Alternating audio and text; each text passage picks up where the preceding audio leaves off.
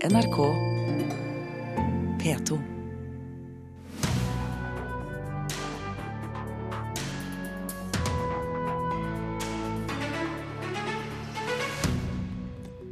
Ytringsfrihetsdebatten kommer til å stilne etter attentatet i København, slik den stilnet etter Charlie Hebdo. Det frykter kunstneren Lars Wilks. Mer kunst enn antatt er på avveie, mener Økokrim. For første gang har de kartlagt omfanget av stjålet kunst. Og aldri før har så mye norsk musikk vært spilt på NRK P3 som i fjor. Men det skulle da også bare mangle, sier Musikernes Fellesorganisasjon, som etterlyser et bredere musikkspekter. Og det får du høre mer om litt senere i Kulturnytt, som i dag eh, leveres med Birger Kolsrud Aasund i studio. Kunstneren Lars Wilks frykter at debatten om ytringsfriheten kommer til å stilne atter en gang når hverdagen tar over etter terrorangrepene i København. Politiet antar at det var Lars Wilks som var målet for det ene angrepet. En 40 år gammel mann ble drept da terroristen begynte å skyte på et debattmøte der Wilks var til stede. Det er veldig svårt å, å, å forstå hva som skjer precis når det skjer. Altså, kommer det bare pang, pang, pang, pang, pang, pang, pang, altså gang på gang. Altså, det låter mer som noen fyrverkerihistorie.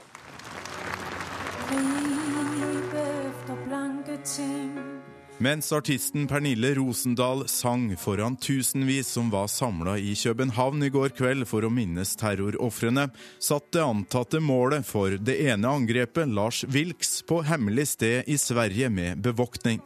Derfra følger han etterspillet etter terroren via sosiale medier, der han har fått både støtte og kritikk. Jeg mener De fleste har vært positive, men det finnes også sånne som er veldig aggressive. Så en, en sak i det her med at eh, de som syns at at jeg ikke skal ha livvakter, det koster for mye penger. Det er altså ikke alle som synes Lars Wilks fortjener å ha livvakter. Mannen som er blitt terrormål fordi han tegna profeten Mohammed med hundekropp for åtte år siden. Et kunstnerisk prosjekt som ikke var ment å provosere andre enn det han kaller feige kunstinstitusjoner. Nå frykter Wilks at dem som viser mot umiddelbart etter terrorangrepet, blir feige igjen når hverdagen er tilbake. Sen er det jo spørsmålet der, återigen, når vi kommer tilbake til hverdagen, precis som etter Charlie Hebdo. Altså at, uh, først var det jo veldig mye uh, Charlie. og och sen börjar man säga, men eh, egentligen så var de ju eh, främlingsfientliga. Alltså det kom väldigt mycket invändningar sen. Lars Wilks synes det er fryktelig at terroristen klarte å ta liv i angrepet, men han prøver å ikke la terroristens handlinger få berøre han personlig, fordi han mener det kun er ett menneske som har ansvaret for det som har skjedd. Ja, jeg kan ikke si at det berører meg personlig, for det her er en morder som agerer, og en sånn person skal jo ikke, skal jo ikke gå løs, de skal jo sitte i fengsel. Det har jo liksom ingenting med meg å gjøre. Utan det er jo hans ansvar, altså. Kunstneren sier han ikke frykter for sitt eget liv, men er bekymra for at han nå ikke får gjennomført de foredragene han har planlagt å holde. Kun pga. det han kaller en tegning av en hund som har begynt å leve sitt eget liv. Det som kom til å skje, var jo at denne hunden løp ut i verden. og Da fikk den liksom en helt annen mening, og jeg merket jo det at det var helt umulig å styre den. Etter eh, åtte års tid altså, så, så har man fortsatt ikke fått ordning på den. utan Den fortsetter sitt liv mente hundens far Lars eh, Wilks. Reporter her, det var Torkel Thorsvik.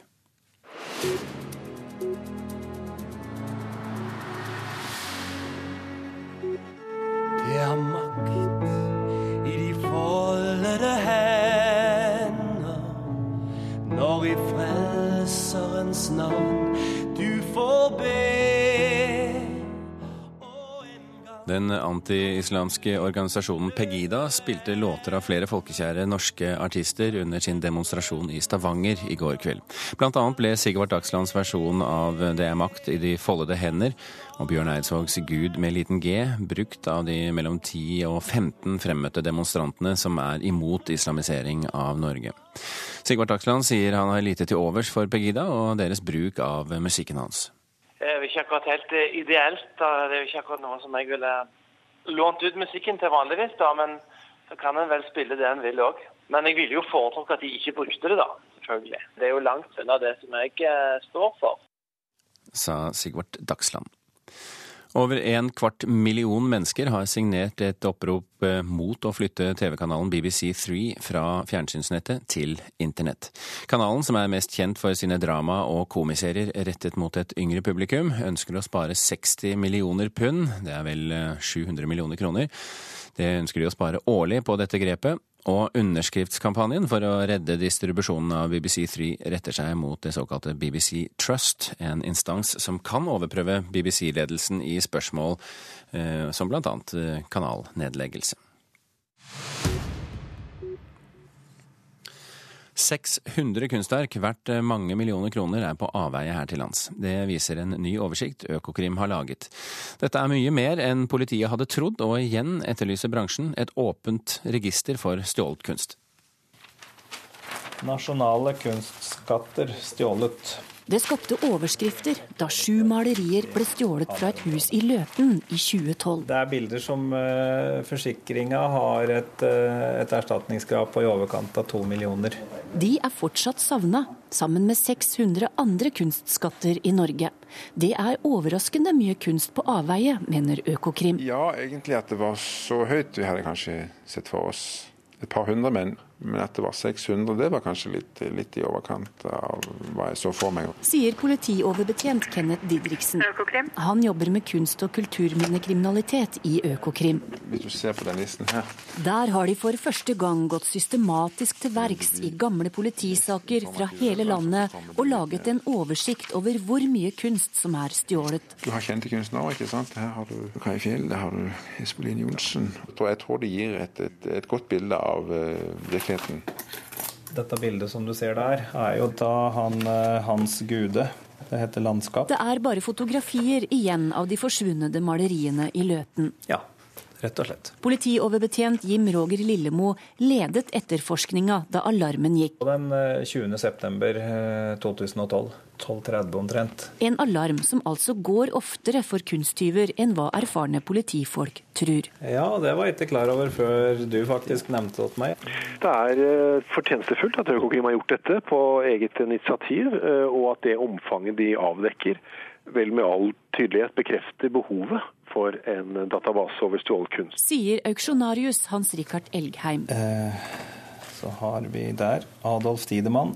Det er den det heter Bondestua. Skulle maleriene fra Løten dukke opp hos Elgheim, har han ingen steder å sjekke om de er stjålet. Eh, min oppfatning er jo at eh, hvis det var en åpen database, så ville man i tillegg til å lett etterforskning også kunne ha en forebyggende effekt. Rett og slett ved at de som handler kunst, kunne sjekke om det de da er blitt tilbudt, er edel vare, for å si det sånn. I ti år har politikerne prata om et slikt register.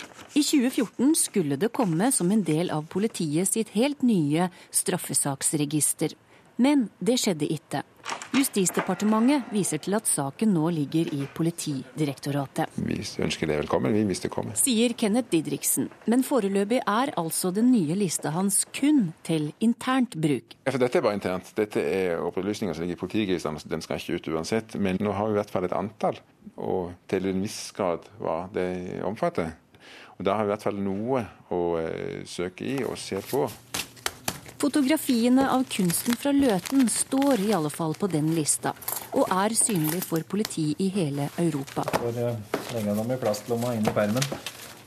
Permen blir ikke borte sjøl om saken er henlagt? Permen blir ikke borte. Når bilder av uh, sånn verdi blir borte, så kan de gjerne ligge i både 15 og 20 år før de dukker opp igjen.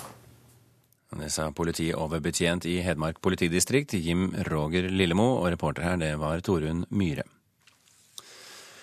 Aldri før har så mye norsk musikk vært spilt på NRK P3 som i fjor. Hele 39% av musikken kanalen spilte i 2014 var med norske artister. Det skulle da også bare mangle, sier Musikernes Fellesorganisasjon, som etterlyser et bredere musikkspekter. En av de norske låtene som ble spilt aller mest, var High As A Kites Since Last Wednesday.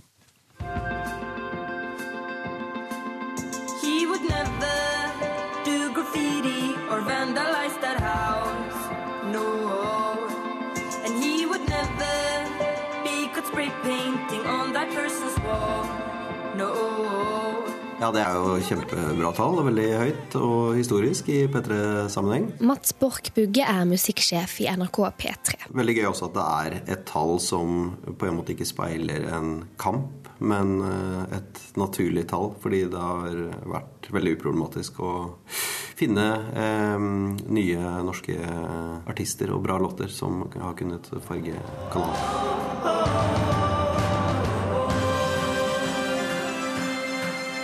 Borch Bugge forteller at det å spille norsk musikk på P3 i fjor ikke var spesielt vanskelig. For hele 39% av musikken lytterne fikk høre i 2014, var norsk. P3s uh, ryggrad handler om uh, ny norsk musikk, og det er det vi jobber for hver eneste dag. Denne ryggraden fikk god støtte av et godt norsk musikkår. Året 2014 var et knallgodt år for norsk musikk internasjonalt. Når vi nå i det siste har lest om Cashmere Cat, f.eks., som, som jobber med en av verdens største artister, Kanye West, så er det en indikasjon på at norske artister gjør seg gjeldende på verdensbasis.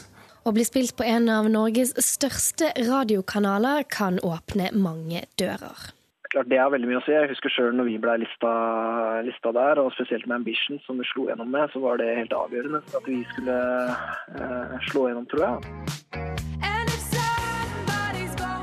Petter Mikkelsen i Drammensbandet Donkeyboy forteller om hvordan denne låten ble listet på P3.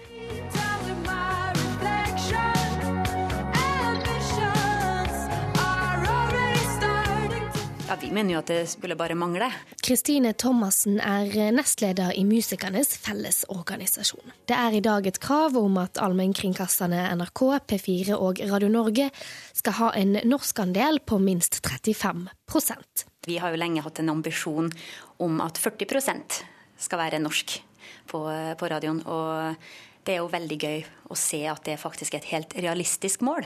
Og vi syns det er super, superflott. Det er spesielt innen populærmusikk og elektronika norske musikere gjør det bra. Eh, men Norge har jo hatt en rekke fantastiske utøvere i mange år som har gjort det fantastisk innen bl.a. jazz, så vi føler jo at det, man må ta tak i de områdene som kanskje ikke er fullt så åpenlyse, da. For det er denne, ofte kalt listepopen, som har dominert spillelistene. Blant de mest spilte låtene i 2014 finner vi sammen med Donkeyboy, Pow Pow, Gabrielle og High As A Kite. Lytterne bør også få smalere sjangere, mener Musikernes Fellesorganisasjon. Jeg mener absolutt at P3 har, har, en plikt i å både utfordre litt og ikke minst eh, dele hele den fantastiske norske musikkmarkedet med også unge lyttere som kanskje primært eh, lytter til mye listepop.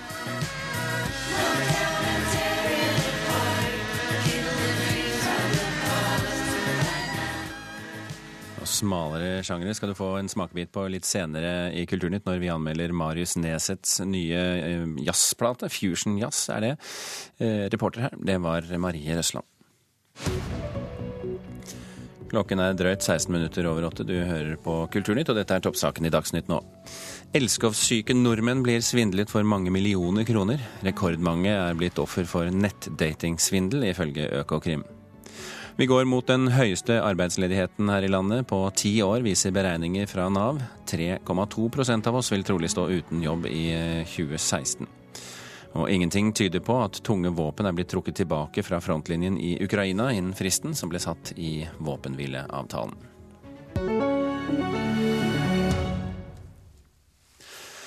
Utstillingen NNA NNA er vårens storsatsing hos Norges største private kunstmuseum, Astrup Fearnley-museet i Oslo. Museets ambisjon er å delta aktivt på den nasjonale og internasjonale kunstscenen, som de skriver på sine nettsider, og de vil trekke et stort publikum. Men de har jo ikke nådd de store høydene med det nye museet på Tjuvholmen som de kanskje ventet. Så kunstkritiker her i NRK, Mona Palle Bjerke, når de lager en utstilling om norsk abstrakt kunst og kaller den NNA NNA, Kommer de til å trekke de store hordene inn i bygget sitt da, tror du? Jeg tror ikke det er denne tittelen som gjør den store forskjellen. Hvis vi skal måle utstillingens appell ut fra denne tittelen, så tror jeg de ligger veldig dårlig an. Det er jo en, i mine øyne en kjempedårlig tittel. Eh, det er jo en sånn eh, litt fiffig forkortning for utstillingens egentlige tittel, Ny norsk abstraksjon, NNA. Og hvorfor de har valgt å doble denne, det aner jeg ikke. Så det er rett og slett veldig sånn mystifiserende og egentlig litt lukkende, tror jeg. Jeg tror mange ser ja, hva er på Astrup Fearnley-museet? Nei, det skjønte jeg ikke nå. Da går jeg et annet sted. Men hvis vi nå går inn i museet da, gjennom dine øyne, hva er abstrakt kunst i 2015, slik den fremstår i Astrup Fearnley? Ja, altså Det de vil vise, er jo at abstrakte formspråk lever i beste velgående på den norske samtidskunst scenen. Og de vil også vise at abstraksjonen har gjennomgått en forvandling. Den storhetstiden var jo på 1950-tallet, og da var jo det abstrakte formspråk en virkelighetsflukt. Man søkte etter det man ofte har omtalt som en ny og budløs forkynnelse, og ville vekk fra virkeligheten, og maleriet skapte sin egen virkelighet. Den abstraksjonen vi ser eh, nå, eh, og som vises på Astrup Fearnley-museet, det er jo en abstraksjon som er ladet med, med et vell av virkelighet virkelighetsreferanser. F.eks. Fredrik Wertslev har jo f.eks. tatt fatt i markisen og lager malerier som etterligner disse klassiske markisemønstrene. Med maskeringsteip og sprayboks har han da helt nitid laget sånn i oransje nyanser markise. Et maleri som ligner på en markise. Men det han kanskje er aller mest fascinert av markisen, er ikke bare dette på en måte stringente, designede, eh, hverdagslige, litt trivielle objektet, men også hvordan markisen henger ute i vær og vind og blir skjoldet av regn og bleket av sol, og hvordan man på en måte slipper naturen til som en slags formgiver og skaper et naturlig maleri. Så inspirert av Edvard Munch så har han jo da latt disse tekstilene stå ute og bli preget. Så, så eh, det er ikke en flukt fra virkeligheten lenger, det er en påkobling på virkeligheten abstraksjonen er nå, da? Ja, veldig, veldig sterkt. Og at det er nesten som Det er jo nesten kyperrealisme også, ikke sant? Fordi at det er nesten et, helt, et bilde av en markise. Eh, jeg har lagt merke til at også um, handlevognen er til stede her i denne utstillingen. Det er den. Ida Ekblad har et, hatt et prosjekt hvor hun har brukt handlevogn som pensel, eller trykkpresse, kan vi si. Hun har da skåret dikt inn i eh, gummihjulene og valset dem inn da med maling og uh, kjørt rundt på lerret i myke buer og skapt da trykket på bokstaver og maling på lerretet. Så det er jo også her er både en, en slags performance um, og hvor hun bruker disse handlevognene, denne stygge virkelighetsmarkøren som selvfølgelig er konsumkulturens uh, symbol, i tillegg til at hun da hadde fylt disse med, med, metallrester, som også var en skulptur. Det er jo ikke inkludert i utstillingen, dessverre, for dette mm. helhetlige prosjektet er jo veldig, veldig flott, mens de har valgt egentlig et ganske svakt maleri fra denne veldig flotte serien. Hvor, hvor, lett er det å forstå dette for en museumsgjenger med gjennomsnittlig kunstinteresse? Nei, Dette er ikke noe vanskelig å forstå i det hele tatt. og Det er jo en styrke som det abstrakte formspråk har. At det har en ganske direkte appell. Drømmen på 1950-tallet, når man skapte det abstrakte formspråket, eller når det hadde sin blomstring, det var jo i etterligne musikkens appell, med klanger og rytmer. At det skulle gå rett i, i følelsene. Nå er jo dette en mer teoretisk form av sånn metaabstraksjon, så det kan jo hende at enkelte vil på en måte miste noen av aspektene, men at uh, man allikevel vil få mye ut av det abstrakte formspråket. Det er sikkert. Hvorfor satser de på norsk uh, abstrakt kunst, tror du? Nei, det er veldig overrasket over selv. Jeg tenker Det kunne man like godt gjort for ti år siden eller om uh, fem år. Jeg syns ikke det er en spesielt god idé. Og jeg tenker dette er jo ikke en skjellsettende utstilling som virkelig setter en, en nytt tema på dagsorden. Den strategien med å velge et virkelighetsobjekt og lage noe abstrakt, det er jo, en, er jo gammelt nytt norsk, i norsk samtidskunst og i samtidskunsten for øvrig. Så konklusjonen på en setning? det er jo ikke, det er ikke en veldig spennende utstilling, men det er mange flotte arbeider, så det er jo severdig likevel. Så får vi se om det trekker publikum. Det blir en konklusjon vi må trekke siden. Mona Palle Bjerke, takk for at du kom til oss.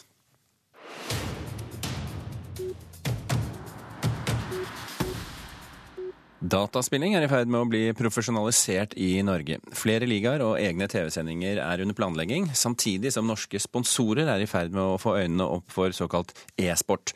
I forrige uke åpnet House of Nerds i Oslo, som skal være et samlingspunkt for norske spillere og spillutviklere. Det her er gamingområdet. Nå så står det 50 maskiner. Vi skal opp i 62. PC-skjermene står på rekke og rad, og det lukter fortsatt maling i gaminghallen i det nyåpnede House of Nerds i Oslo. Min følelse er at uh, disse her 62 uh, maskinene blir for lite.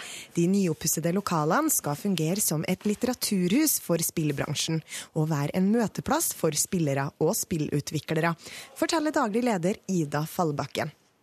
I det ene rommet kan man drikke øl og se på dataspilling på storskjerm, mens gaminghallen vegg i vegg fungerer som et treningssenter for konkurrerende dataspillere. Eller e-sportutøvere. E-sport er ikke noe nytt fenomen i Norge, det har holdt på lenge. Eh, men nå er på en måte i en ny fase, og kanskje mot en, en, en slags profesjonalisering. For e-sport er i vinden. Tidligere i år ble det klart at Telenor går inn som hovedsponsor for Gamer.nos e-sportliga, mens TV 2 satser på å lansere en egen liga i løpet av året. Samtidig som de har begynt å vise e-sport på TV 2 Sumo. I Norge finner man egne e-sportlinjer ved folkehøyskolene, mens man i Sverige fra høsten av tilbyr e-sportlinjer ved to videregående skoler. Dette er noe som vokser i Norge, men allerede øh, nå så finnes det flere norske spillere som lever fulltid av dette. Det sier Rune Håkonsen, spillanmelder i P3. Han tror den økende interessen vil gjøre e-sportmiljøet til en attraktiv sponsorarena. Det vil komme en strøm av eh, sponsorer som står klare for å nå nettopp denne gruppen med unge menn, unge gutter, som selvfølgelig er jo det, eh, de som kanskje bruker mest på tekniske duppeditter og andre elektronisk utstyr. Det er noe som jeg tror kommer til å vokse, og dette er bare noe vi har sett starten på her i Norge så langt. Daglig leder i sponsor- og eventforeninga, Hege Maurøy, tror også e-sport kan tiltrekke seg flere sponsorer. Nå kan det tyde på at det er flere voksne eller eldre grupper som går inn. Og når eldre grupper går inn, så er det som regel slik at det er de som sitter på lommeboken. Og da kan vi jo begynne å tenke at Telenor har sett dette, og sånn sett kanskje går i bresjen for det. Og i og med at Telenor er en såpass stor virksomhet i Norge, så er det ikke uvanlig at andre blir følgere. Men før de store pengene kan puttes i potten, er det et problem som må løses, ifølge Håkonsen. Det er veldig uorganisert. Eh, de ulike aktørene som driver med dette, og som starter ligaer, har ingen samlende organisasjon for å koordinere denne, si, hvordan man skal håndtere denne økte interessen. Det er penger å hente her, det er sponsormidler å hente her, men det er ingen eh, organisasjon som samordner all den, eh, all den interessen som vi nå har sett vokse fram i Norge. Et av forslagene for å rydde opp i miljøet er at man etablerer et felles e-sportforbund. Det er nå e-sportutøveren Preben Prebz Bertheussen er enig i. At det burde være noe forbund til å styre eller knytte opp alle lagene mot. Så man har noen retningslinjer for det. Istedenfor at alle lagene bare lever sitt eget liv. og Da blir det veldig mye konflikter og sånn, som ikke er så lett å løse. For det er ingen som kan løse dem. Så du kunne tenkt deg å blitt medlem av et sånt forbund? Absolutt. Reporter her, det var Åsta Hoem Hagen. Og da har vi kommet til de litt mer smalere sjangere som vi snakket om tidligere i sendingen. Marius Neset regnes som en av norsk jazz største talenter, og han vant Spellemannprisen i jazzkategorien så sent som 2014. Nå er han ute med sin tredje soloplate, og det er blitt en kompleks, men lyttervennlig oppvisning i fengende jazzmusikk, mener vår anmelder Svein Magnus Furu.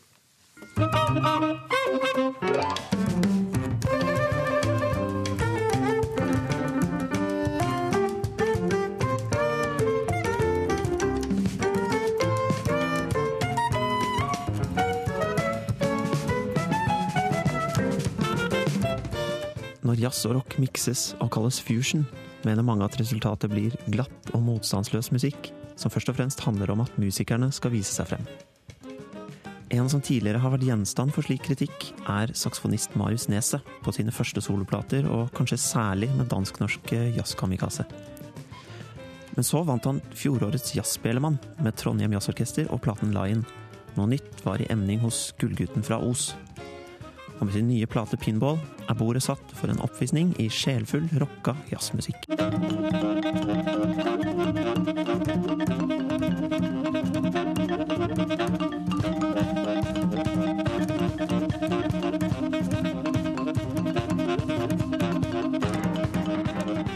Marius Neseth legger med denne platen stempelet som ung og lovende definitivt bak seg. Som saksofonist har vi de siste årene blitt slått i bakken av hans blendende teknikk. Men hans evner som låtskriver blir også stadig mer raffinerte, noe som nå viser seg til fulle. Han lager utvilsomt kompleks musikk, til tider svært kompleks. Men det er allikevel musikk som er harmonisk og lyttevennlig, også for andre enn hardkokte jazzhoder. Musikken er utadvendt, den kommuniserer med oss og ber oss om å høre godt etter.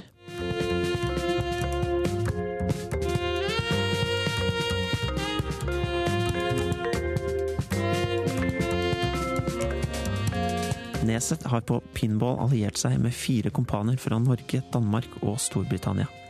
De utgjør til sammen et kruttsterkt team som mestrer enhver utfordring fra Neset til fingerspissene. Perfeksjon er målet, og disse herrene gir seg ikke før de har oppnådd nettopp det. Utover Nesets glassklare saksofontone er Jim Harts marimba og vibrasjon fremtredende i lydbildet.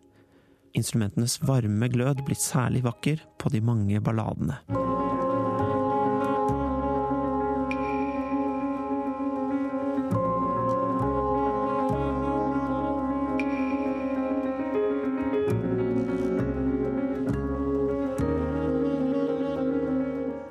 Balladetolkning mestrer de utvilsomt, men først og fremst er det den briljante teknikken som er bandets store forse.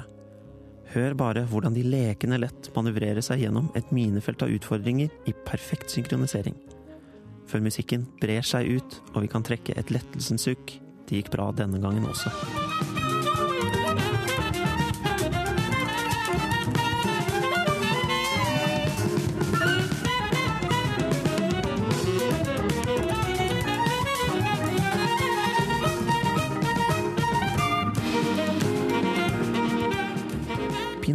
Mer eller mindre gjennomkomponert fra A til Å. Improvisasjonen er en naturlig del av uttrykket, men platen er først og fremst en seier for jazzkomponisten Neset. Måten han får kompleks musikk til å bli lyttevennlig og utfordre samtidig som han inviterer, er unik. Marius Neset lager noe vi ikke trodde var mulig, nemlig fengende, smakfull og sjelfull fusionmusikk. Det var altså Marius Nesets nye plate 'Pinball'. Den ble anmeldt av vår eh, anmelder Svein Magnus Furu. Kulturnytt er slutt. I dag fortalte kunstneren Lars Vilksås at han frykter at ytringsfrihetsdebatten kommer til å stilne etter attentatet i København, slik den stilnet etter attentatet mot Charlie Hebdo. Du kunne også høre at mer kunst enn antatt er på avveie. Det mener Økokrim, som for første gang har kartlagt omfanget av stjålet kunst. Sendingen i dag fikk du av Marianne Myrhol, Gjermund Jappé og med Birger Kålsrud Jåsund i studio. Hør flere podkaster på nrk.no podkast.